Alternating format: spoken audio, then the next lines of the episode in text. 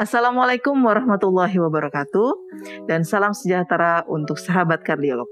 Salam sehat dan selamat datang kembali di Kardiolog, podcast divisi Kardiologi Departemen Ilmu Penyakit dalam FKW RSCM.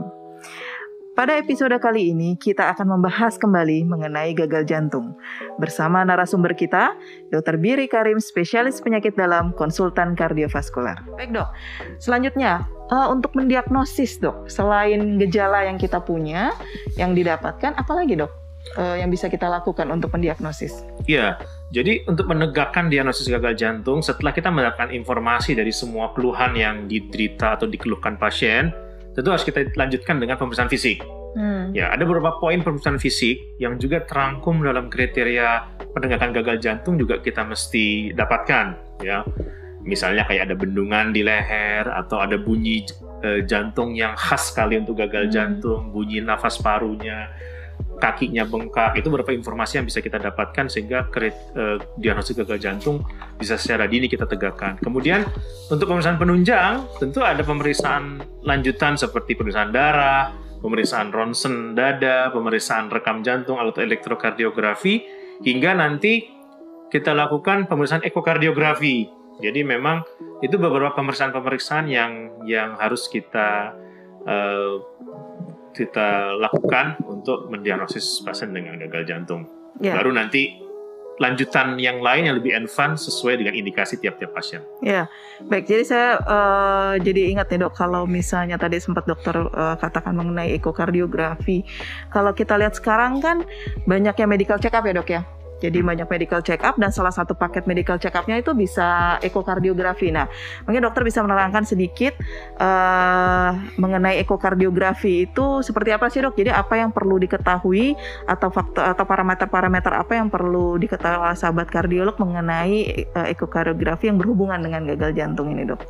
Ya, jadi ekokardiografi itu merupakan pemeriksaan penunjang yang non invasif. Jadi memang tidak menyakiti ya jadi dan tanpa persiapan khusus nggak perlu puasa dan lain-lain nah, tidak perlu cek darah untuk bisa ekokardiografi jadi sangat aman mudah cepat. Dan prinsip dasarnya dia menggunakan gelombang ultrasound sepertinya pemeriksaan USG perut misalnya atau USG kandungan. Nah tapi ekokardiografi ini memiliki probe atau alat untuk yang menghubungkan uh, jantung pasien ke mesin dan juga softwarenya itu alat yang di dalam mesinnya itu berbeda khusus untuk jantung karena kan dia akan mengcapture atau menangkap organ yang bergerak. Itu prinsip dari alat ekokardiografi. Dan informasi yang bisa kita dapatkan banyak Dr. Lucy. Ya, pertama adalah fungsi pergerakannya, kinetiknya, kemudian masalah anatominya. Kalau ada kelainan-kelainan anatomi misalnya kelainan kalau tadi kita mau mencari penyebab gagal jantung karena katup atau karena kelainan kongenital, tentu ekokardiografi perannya besar sekali untuk menegakkan diagnosis, mencari kausa atau etiologi dari gagal jantungnya. Ya. Kemudian uh, yang penting lagi kita bisa menilai kekuatan fungsi jantungnya berapa persen. Pompanya ya dok. Pompanya, bisa ketahuan dari dari pemeriksaan ekokardiografi dan banyak lagi parameter lain yang bisa kita nilai untuk kepentingan menilai fungsi uh, anatomi dan fungsi hemodinamik jantung, nah itu terjawab semua dengan pemeriksaan ekokardiografi. Mungkin itu sih. Jadi sebenarnya kalau gagal jantung itu pompanya gimana dok? Pompanya normal atau pompanya uh, turun dok?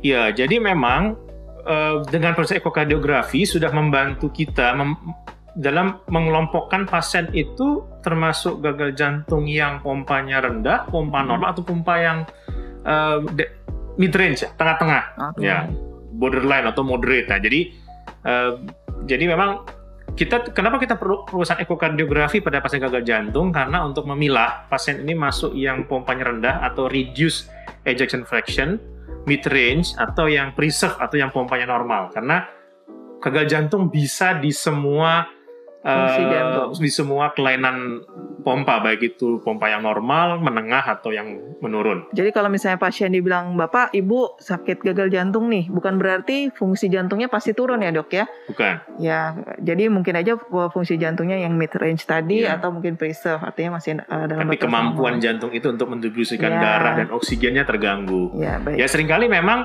kalau di bahasa awam gagal jantung ini kes, uh, bahasanya tuh kayak ja- Lemah jantung. lemah jantung, Payah atau jantung payah ya, jantung. Nah iya. itu yang suka kita dengar. Iya, Jadi iya. bukan serangan jantung, tapi payah jantung atau lemah jantung. Baik, baik dok. Eh, nah, kemudian udah mendiagnosis nih ya. Eh, untuk terapinya seperti apa dok? Jadi kalau misalnya sudah eh, satu orang pasien di eh, diagnosis gagal jantung, terapinya seperti apa sih dok?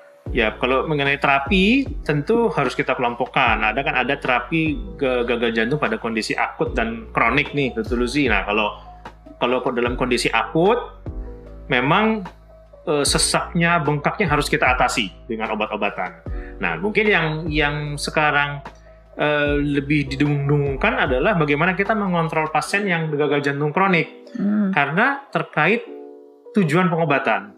Karena kita nggak mau pasien dengan gagal jantung kronik itu bolak-balik masuk ruang rawat karena sesak. Nah, Hmm. tentu kan karena itu kita mengembangkan terus te- treatment atau pengobatan-pengobatan terkait gagal jantung, terutama untuk gagal jantung kronik, yang tujuannya satu menurunkan rehospitalisasi.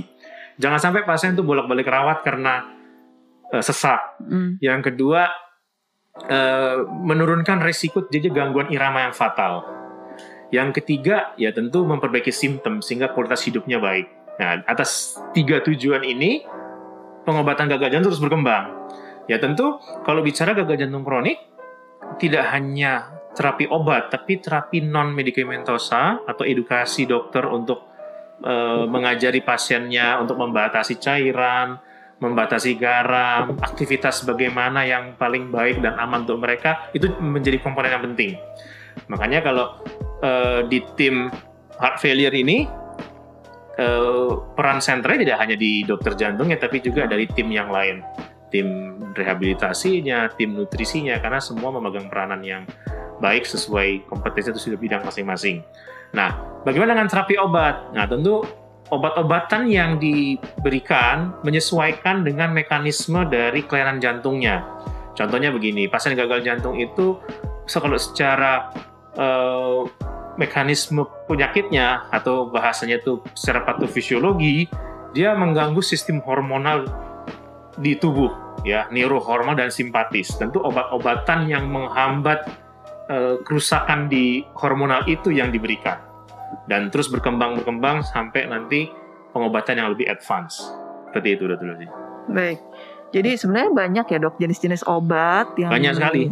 Dia kadang-kadang kalau misalnya dibilang saya kalau udah eh, menderita gagal jantung obatnya bisa satu plastik sendiri karena banyak gitu ya. Ya mungkin saja karena kan eh, seperti yang sudah sampaikan dokter Biri kan tergantung dari gejala yang dialami oleh pasien Hmm. maupun mekanisme apa yang terjadi pada eh, pasien tersebut. Dan mungkin yang punya peranan penting adalah juga non medikamentosanya ya. Jadi yang selain obat itu kadang-kadang pasien sudah diberikan obat maksimal tapi ternyata minumnya kebanyakan ya mungkin konsumsi garam yang berlebihan gitu ya dok ya Iya. kemudian ada aktivitas-aktivitas yang mungkin eh, tidak sesuai dengan anjuran dokter yang akhirnya membuat eh, gejalanya timbul lagi gitu ya jadi pentingnya sahabat-sahabat kardiolog juga mungkin yang mempunyai keluarga atau sahabat yang menderita gagal jantung untuk eh, men-encourage atau memberikan apa semangat agar nggak cuma obat-obatan nih yang eh, kita perlukan untuk pasien-pasien gagal jantung tapi juga edukasi ya yang paling penting. Baik dok, Eh, nah terakhir nih dok ya mungkin kita udah cukup lama udah hampir 20 menit sudah 20 menit nih kita eh, berbincang-bincang ya sebenarnya untuk Emang membicarakan Nggak pernah nggak bisa singkat Nggak, memang iya, kalau bicara nggak gagal bisa jantung dulu singkat, sih ya. panjang ini. Nanti mungkin ada sesi berikutnya, tapi ini mungkin secara brief kita me- apa me- menyajikan mengenai gagal jantung. Artinya ya mungkin nanti di sesi berikutnya kita bisa membahas lebih detail lagi. Nah yang terakhir nih dokter Biri. Nah, terapi yang tadi udah ya, non medikamentosa, kemudian edukasi, kemudian terapi obat. Ada nggak terapi-terapi lain? Tadi kan dokter sudah menyebutkan mengenai stage yang A, B, C, D. Nah, kalau D itu kan kayak obat-obatan udah nggak bisa lagi ya dok ya. Artinya masih ada gejala, masih merasa berat gitu ya. Nah, apa yang harus dilakukan pada pada pasien-pasien seperti itu dok?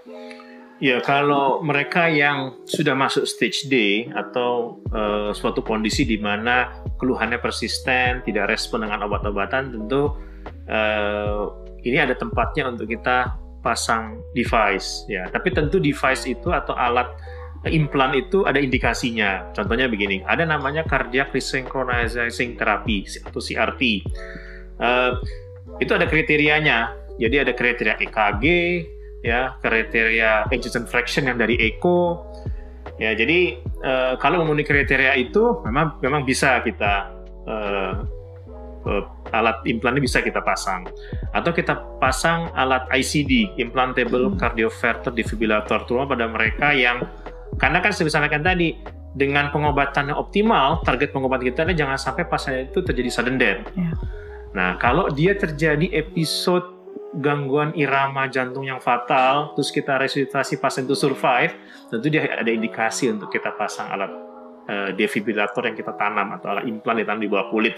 Jadi kalau terjadi episode itu lagi, dia akan memberi kejut sendiri, yeah. sehingga memperbaiki survival atau angka kesintasan pasien.